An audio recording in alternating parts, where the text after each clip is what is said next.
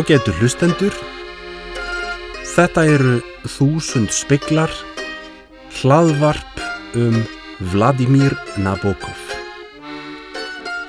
Sjötti þáttur, hetjudáð.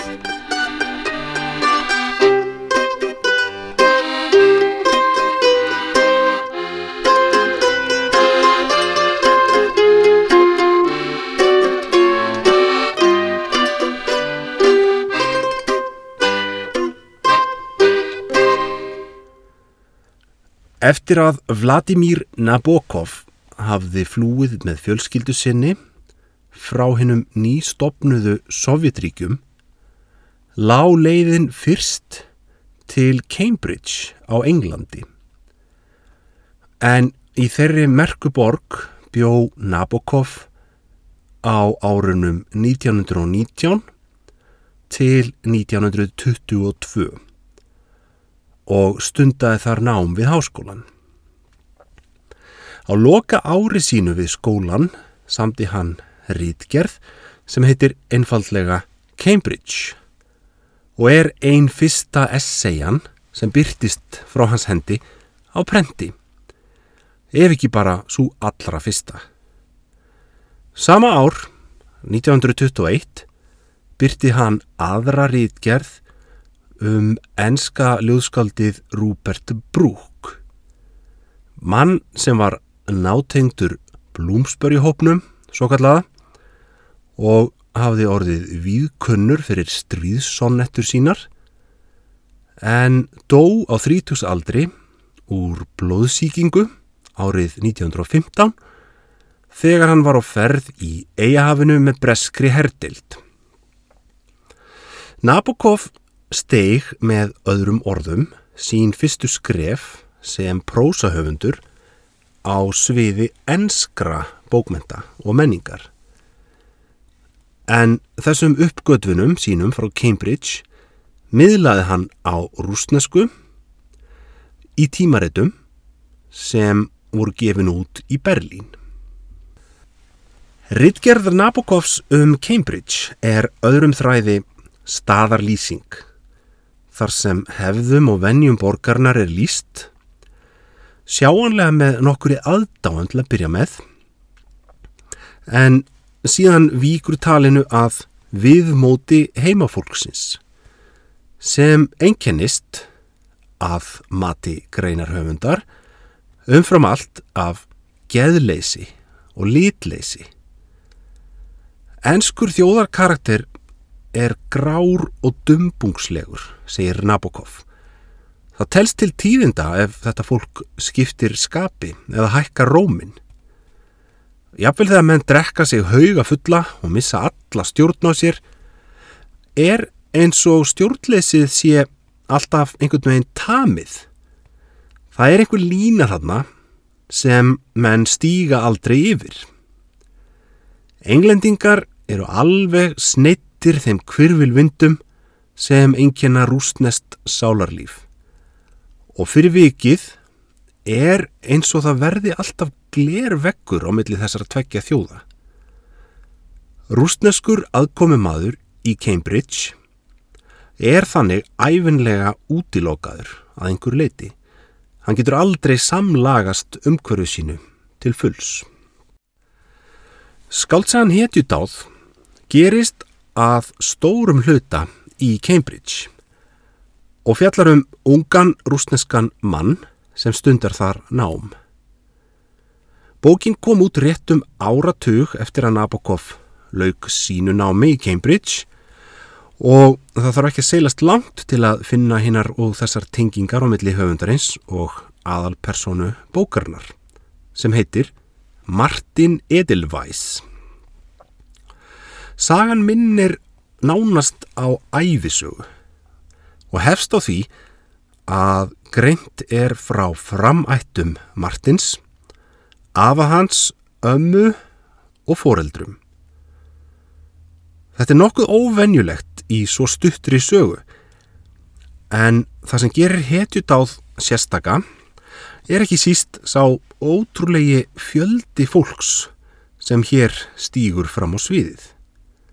Þetta er sennilega svo skáltsaga Nabokovs sem hefur flestar personur. Martin Edelweiss elst upp í Pétursborg á árunum fyrir byltinguna og er aðeins barn að aldri þegar sagan hefst. Fóreldrar hans eru báðir rúsneskir en móðir hans dyrkar og dáir England og allt sem ennst er og hún er vön að lesa sögur og ævintýri á ennsku fyrir drengin þegar hann fer að sofa. Það fyrsta sem Martin man úr bernsku sinni er vasslitamynd sem hangir fyrir ofan rúmiðans. Þetta er skóarmynd þar sem göngustýgur likjast á milli trjána uns hann hverfur. Myndin greipist inn í barðsálina og Martin Littli sér sjálfa sig fyrir sér, ganga eftir stígnum og hverfa inn á milli trjána. Það má segja að hér feli upphafið í sér endalókin því skáldsögunni líkur á því að Martin hverfur inn í sortan, einn og fótgangandi yfir landamærin að Sovjetríkunum og sést aldrei aftur. Alla sína stuttu æfi er Martin Edelweiss romantískur sveimhugi sem heitlast af hennu dularfulla og óskiljanlega. Fóreldrar Martins skilja þegar hann er á unglingsárum og í kjölfar byltingarinnar flýr hann úr borginni með móðu sinni fyrst til Hjalta þar sem þau búa um nokkurt skeið.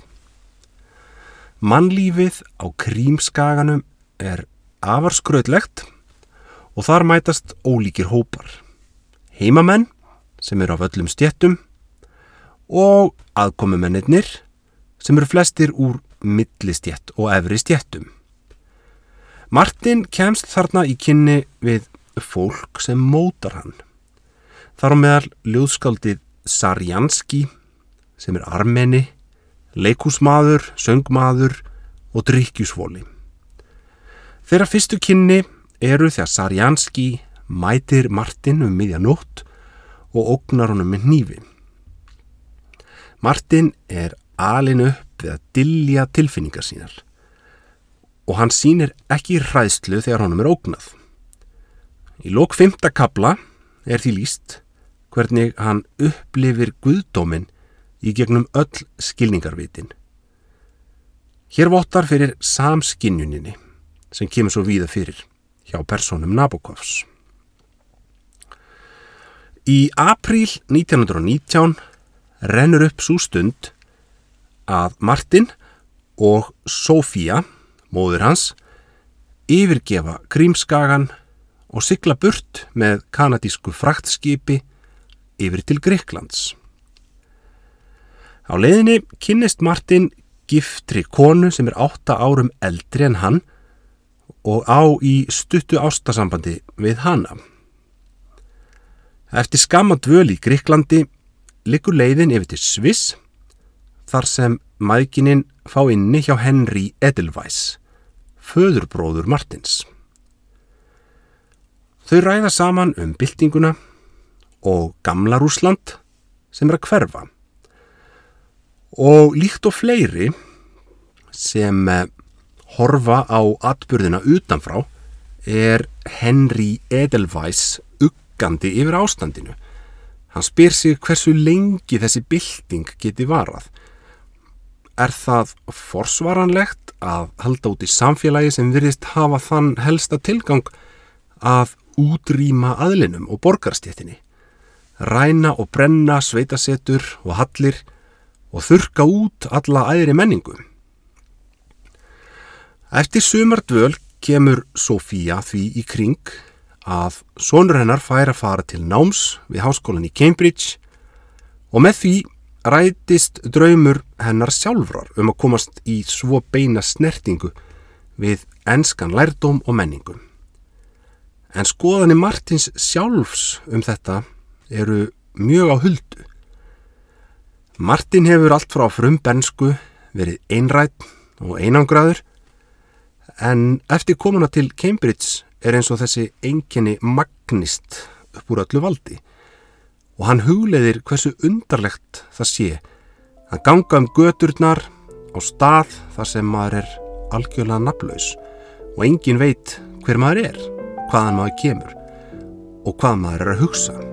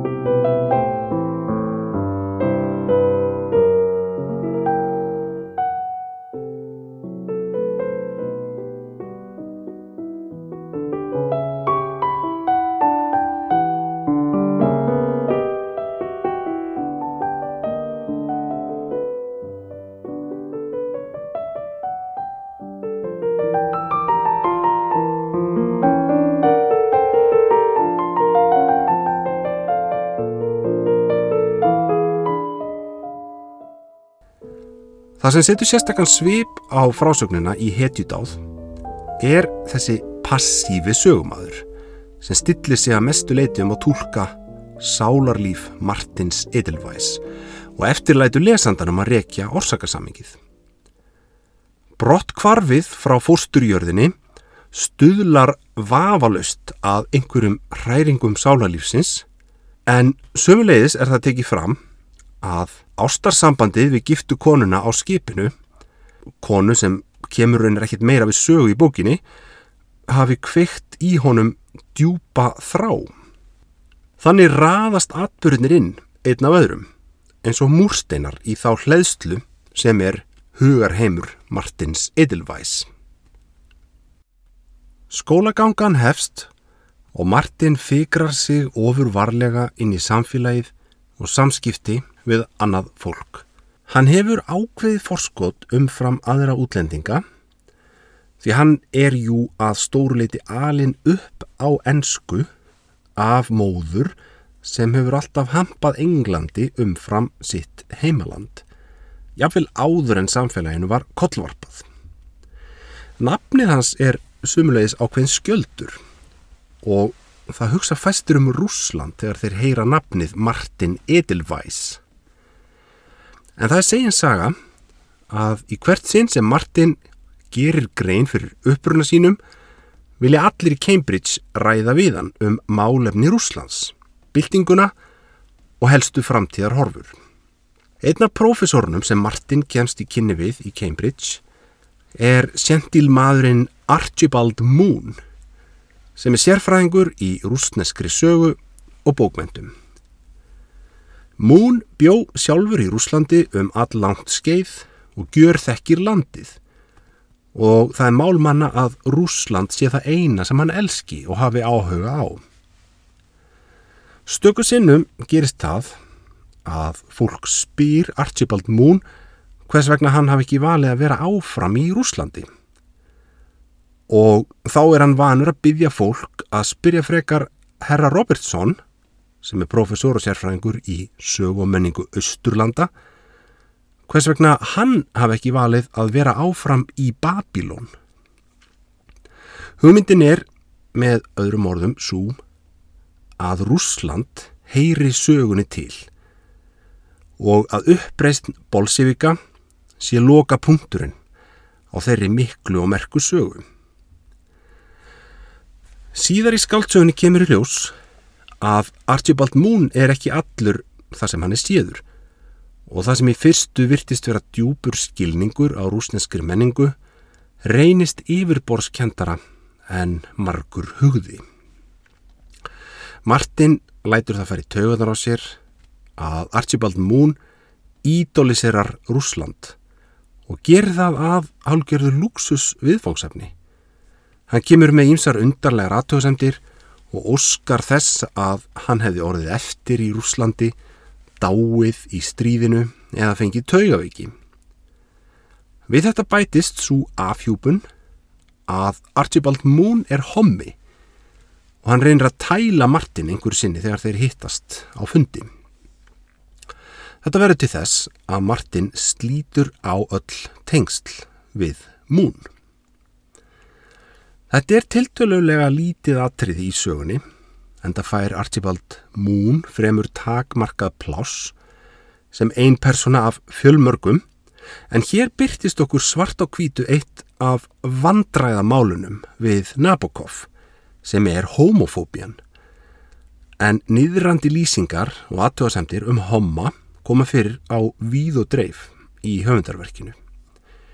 Gaggrinendur höfðu sterka tilneingu til að horfa fram hjá þessu elementi í höfundarverki Nabokovs, mest alla síðustu öld og það var ekki fyrir neftir aldamótin 2000 að það fór að koma fram greinar og rannsóknir þar sem þetta er tekið til skoðunar og greiningar. Martin kynist ungum manni sem heitir Darwin og verður þeim vel til vina. Darwin er innfættur englendingur og kennir Martin ímislegt um enska síði. Hann er líka uppbrennandi rítöfundur og hefur byrt smásögur sem hafa vakið aðtegli gaggrinenda á landsvísu. Og þá vantar ekkit í söguna nema kvennhetjuna og hún byrtist okkur sem Sonja Silanov, 16 ára yngismær sem á rúsneska foreldra en hefur búið svo segja allt sitt líf á Englandi. Skaldsagan hetjudáð er öðrum þræði saga um ástarþrýhitning þar sem tveir karlmenn sem eru bestu vinir, þeir Martin og Darvin, keppa um hönd sömu konunar sem er Sonja. Uppskriftin er kunnuleg en hinn mjög svo huglæga og óræða lýsing Martins er töfraefnið sem gerir blönduna sérstaka og liftir sögunni upp yfir hið hefðbundna plan ástarþrýðningsins. Sonja lætur Darvin ganga á eftir sér. Hann býður henni á dansleik en hún vill ekki koma með. Hann byður hana að giftast sér en hún segir nei. Martin nefnur rúsneskar bókmentir við háskólan. En það er ekki að sjá að námsefnið kveiki nokkur sérstakann neista í huga hans. Sín mestu afreg í Cambridge vinnur hann á sviði íþrótta. Engum tennis og fótbolta en Nabokov sjálfur var raunar liðtækur í báðum þessum greinum á þeim árum sem hann bjó í Englandi og einnig síðar. You mentioned your tennis. We'd like to shoot you playing. No, no, no, no, no, it's out. Uh, first of all, uh, I haven't played for three years, for three years. Three years ago I could still play a good game, but I wouldn't like to begin all of a sudden on a cold autumn day. anything might happen. It would make a, a, a, beautiful, a beautiful picture. Death on the tennis court. but um, no, I, uh, I think, well, uh, we've played football. that, that, that was bad enough. Hápunktinum á íþróttaferli sínum nær Martin þegar hann keppir í úrslítaleik um háskólabyggarinn í knaspinu og spilar þá sem markmaður fyrir Trinity College á móti St. John's College. Fyrir honum er úrslítaleikurinn æsku draumur sem rætist og hann hugsaður með sér að fyrst draumar um afreg í íþróttum geti ræst, hví ættu þá draumar um afreg í stríði ekki geta ræst líka. Þegar náminni í Cambridge líkur flytur Martin aftur heim til móður sinnar og Henry frænda í Sviss. En þau hafa þá ákveðið að stopna til hjónabands. Það er alltaf einhver núningur á milli Martins og Henry frænda sem hefur evasemtur um að Martin sé á réttri leið í lífinu og telur ólíklegt að námið í Cambridge muni koma honum að nokkru gagni. Henry hvetur Martin frænda sinn og nú fórstu són til þess að helga líf sitt einhverju gaglegu, einhverju sem hann gæti lífað af. Og hann býðst meira segja til að útvega honum vinnu hjá góðu fyrirtæki í Genf sem hann er sjálfur í viðskiptasambandi við. En Martin er hins vegar áhugalaus um það. Hugur hans stendur til þess að flytja til Berlínar, en þangað flutti Sonja eftir að hún lauk dvölsinni í Cambridge. Þetta verður úr, Martin flytur til Berlínar og byrjar að venja komur sínar á heimili Silanov fjölskyldunar, það er að segja heimili Sonju og fjölskyldu hennar. Þau búa þar við skort í þröngu húsnæði en það blæs ekki byrlega fyrir íbúum væmar líðveldisins á þeim árum sem sagan gerist, sem sagt í kjölfar versalasamningana. Martin flýr til Berlínar árið 1923 en það ár geisaði slík óða verðbólka í Þýskalandi að peningasæðlar gerðu meira gagn sem veggfóður en gjaldmiðl.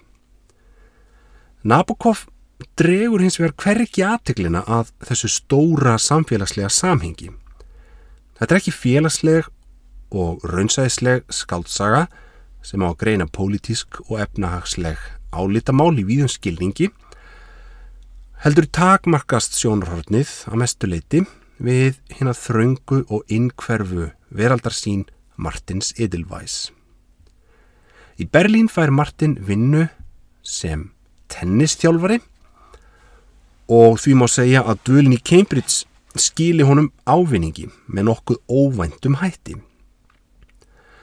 Allstaðar á gödum Berlínar hljómar rúsneska en það er rúsneska útlaga samfélagið í borginni hins stærsta í Evrópu og möguleikar Martins á því að samlagast umhverfi sínu eru því óneitanlega meiri en í henni ennsku háskólaborg. En þrátt fyrir það er eins og hann nái aldrei að tengjast samlöndum sínum, kollegum, jafnókum og meðbræðrum og það sem gerir hann að mestuleiti frákverfan öllum slíkum tengslum er hinn yfirborskenda og áhugalösa ættjarðarást sem er aðalsmerki útlagasamfélagsins í Berlín.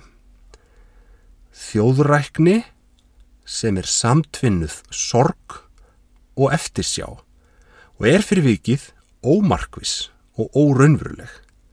Þessi fyrta þjóðetniskend sem fer svona í taugarnar á Martin Edelweiss holdgerfist aðalega í einni personu sögunar sem er reytöfundurinn Búbnóf tilgerðarlegur rúsneskur mentamæður í Berlín.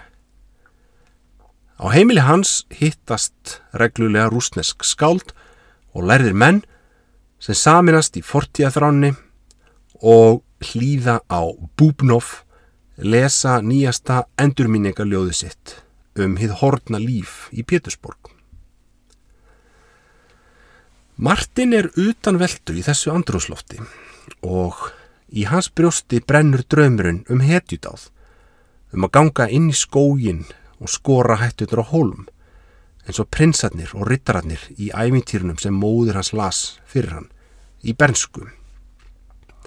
Þetta verður til þess að hann fær sérstakann áhuga á andbolsjeviskum uppreisnarhópum, sem stunda það að senda skæruliða yfir landamærin til Sovjetríkina. Samhliða þessu öllu á hann sína ástarfundi með Sonju, sem var kannski einn megin tilgangur hans með því að flytja til Berlínar, þótt það sé ekki sagt beinum orðum. Saman láta þau hugan reyka, spekla dagdrauma sína kort í öðru og smíða í saminningu fantasíuna um undralandið Súrland. Landið þar sem allir íbúar þurfa að raka af sér höfuðhárið, illja sér við brennandi fyðlur á báli og yfirvöldin leggja sér fram við að sprengja öll fjöll til grunna. Því ekkert má gnæfa yfir, allt þarf að vera jamt. Í kottahjali þeirra Martins og Sonju verður hugarflugið um Súrland að unaðslegum leik og flótta frá ömrulegum samtíma yfir skilvilleg veröld en um leið parodía á þá verkamanna paradís sem Sovjetríkin áttu að vera. Þegar veturinn nálgast fyrir Martin aftur til móðu sinnar og frænda í Sviss en heldur sambandi við Sonju með brefaskrifum.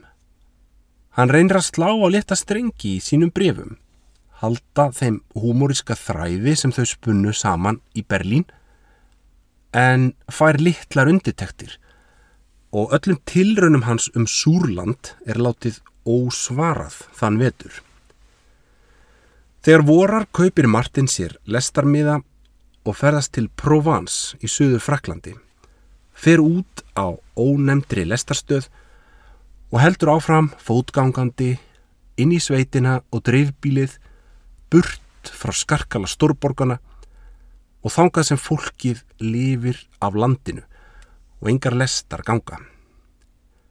Þetta er tilraun Martins til að komast í snertingu við hýð fjarlæga og upprunalega. Og ferðaleginu líkur í smábænum Molignac, þar sem hann ákveður að setjast að. Hann dreymir um að hefja þar nýtt líf með sonju sér við hlið, finna frelsið og haminguna í hennu smáa og einfalda. Og þessum draumum deilir hann með henni í brefunum sem hann heldur áfram að senda henni. Fyrstum sinn er lítið um svör en að endingu skrifar Sonja honum bref og bandar honum frá sér. Segir honum að hætta að hrella sig og ofsækja með þessum stöðugu brefasendingum. Hún vilji aldrei giftast honum og þaðan síður búa með honum í sveitinni. En það hati hún fásinnið, hitan og snákana eins og hún orðar það. Martin kveður smábæinn Molignac skömmu eftir að hann les þetta harkalega kveðjubref frá Sonju og í millistoppi á lestastöðinni í Lausanne gluggar hann í rúsnest tímaritt útgefið í Berlín þar sem eru meðal annars byrtar bókmentir eftir útlega höfunda. Á meðal efnis í þessu tölublaði er smásagan Súrland eftir hinn virta höfund S. Búbnoff og þá áttar Martin sig á því að Sonja, konan sem hann elskar, hefur rofið trúnað og svikið hann fyrir mannin sem hann þólur ekki. Eftir þetta áfall flytur Martin aftur heim til Sviss og verður nú heldtekinn af því verkefni að komast aftur til Rúslands. Hann fær Darvin, sinn gamla vinn, til að aðstofa sig við þetta. Jáfnvel þótt Darvin reyni að tellja hann ofan af hugmyndinni og hveti hann til þess að sækja einfallega um vegabrifsáritun og reyna að komast inn í landið með löglegum hætti. Martin skrifar fjögur postkort til móðu sinnar og dagsetur þau fram í tíman. Hann byður Darvin um að senda þau með reglulegu millibili á fyrirfram ákveðnum dögum til þess að móður hans gruni ekkert. Darvin gengur að þessu með semingi og þeir kveðjast. Martin tekur lestina til Ríka í Lettlandi en þaðan ætlar hann að fara gangandi yfir landamærin til Rúslands. Tveimur vikum síðar verður Darvin áhyggjufullur og fer á eftir vini sínum til Ríka og leitar aðunum þar en finnur hvorki tangur nýtt tetur af honum. Sögun líkur af því að Darvin fer til Sviss og tilkinnir móður Martins að sonur hennar sé horfin. Hetjudáð var síðasta skáldsaga Nabokovs sem var þýtt á ennsku. En ástæðan fyrir því að hún var þýtt svo seint var ekki svo að hann væri óánæður með verkið. Þvert á móti var hann sjálfur þeirra skoðunar að af þeim bókum sem hann hefði samið á rúsnesku væri hetjudáð svo þriðja bestan. Næstu eftir skáldsöðunum Gjöfin og Bóð í aftökum. Enska þýðingin á hetjudáð mun vera býstna nákvæm og trú rúsneska tekstanum, ólíkt sumum öðrum skáldsögum Nabokovs í enskum þýðingum, þar sem vikið er meira frá uppálega tekstanum. Hitt er annað mál að viðtökurna sem skáldsagan hetjudáð fekk við útgafu voru ekki mikið meira en hálf volgar. Flesti gaggrinendur voru á því að bókin væri efnislítil, stefnulegs og endaslepp.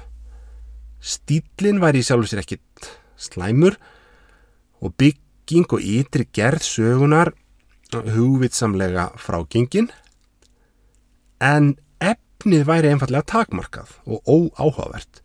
Hér var ekki verið að spyrja neittna spurninga sem skipti máli og engin siðferðileg eða pólitísk afstafa tekin til nokkur slutar. Með árunum ógs þó sagan í augum margra lesenda og eftir að enska þýðingin kom út varð mörgum ljóst hversu mjög sagan skarast við æfi Nabokovs sjálfs eins og henni er líst í endurminningabókinni Speak Memory sem hafi komið út tveimur áratugum fyrr, þar að segja árið 1951. Nokkur element sem koma fyrir í öðrum bókum Nabokovs koma sömulegis fyrir í skaldsugunni Hedjudáð. Þar meðal mítanum Súrland sem gengur aftur undir öðrum nöfnum í öðrum bókum. Galdurinn við þessa skáldsögu fælst að einhver leiti í smáatriðunum sem er hægt að tengja saman þvert yfir tekstan en einnig í því að skoða hana sem stúdíu um hugrekki og hetjuskap líkt og títillin gefur til kynna. Martin Edelweiss er ekki skáld eða listamaður eins og svo margar aðrar aðalpersonur í bókum Nabokovs heldur maður aðtapna sem dreymir um ævintýri. En ævintýrin sem hér er líst eru frumspeikileg og dölúðuleg, fremur en veraldleg og áþreifanleg. Huglegingar um dauðan og líf að loknu þessu lífi koma fyrir í sögunni og byrtast meðal annars í hugsunum Martins um föðu sinn eftir að hann deyr og sýstur Sonju Sílanov sem heitir Nelly. En Martin sefur í rúmi hennar einan nótt skömmu eftir að hún deyr og hann kemur í heimsók til fjölskyldunar. Hann skinnjar rattir þeirra sem eru hortnir og það er engu líkara en að dauða kvötin verði leiðar stefið í lífi hans sjálfs. Eftir ævintýrlegan flóta frá ógnastjórninni námsár við besta háskólan hjá síðmentuðustu þjóð heimsins og þrúandi spurningar um það hvað hann ætla að gera í lífinu, tekst Martin að gefa lífi sínu merkingu með því að deyja. Á yfirborðinu er dauði hans aflegging af höfnun og ástarsorg en þegar betur er aðgáð má sjá að gjörningurinn sem hann endar lífsitt með á sér lengri aldraðanda og fræjunum er sáð allt frá því að hann liggur barn í rúmi sínu. Hlustar á móðu sína, lesa ævintýri og horfir á dularfulla veginn sem hlikkjast á milli trjána í skóginum og hverfurinn í myrkrið.